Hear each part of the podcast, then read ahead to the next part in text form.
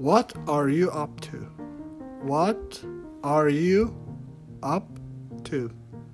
What are you up to يعني ايش راح تسوي مثلا إذا واحد يقول لك What are you up to my friend يعني ايش راح تسوي صديقي فراح تجاوب I will go and buy some food يعني أني راح أروح وأشتري بعض الطعام